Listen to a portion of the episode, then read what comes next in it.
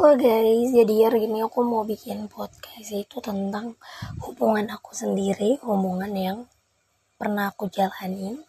Aku bakalan cerita pertama ini ke salah satu cowok yang bisa kita bilang adalah si R. Oke, kita tandain dia adalah si R ya. Nah, aku bakalan cerita di next episode. Aku bakalan ceritain awal mula perkenalan aku dengan dia bagaimana pastinya.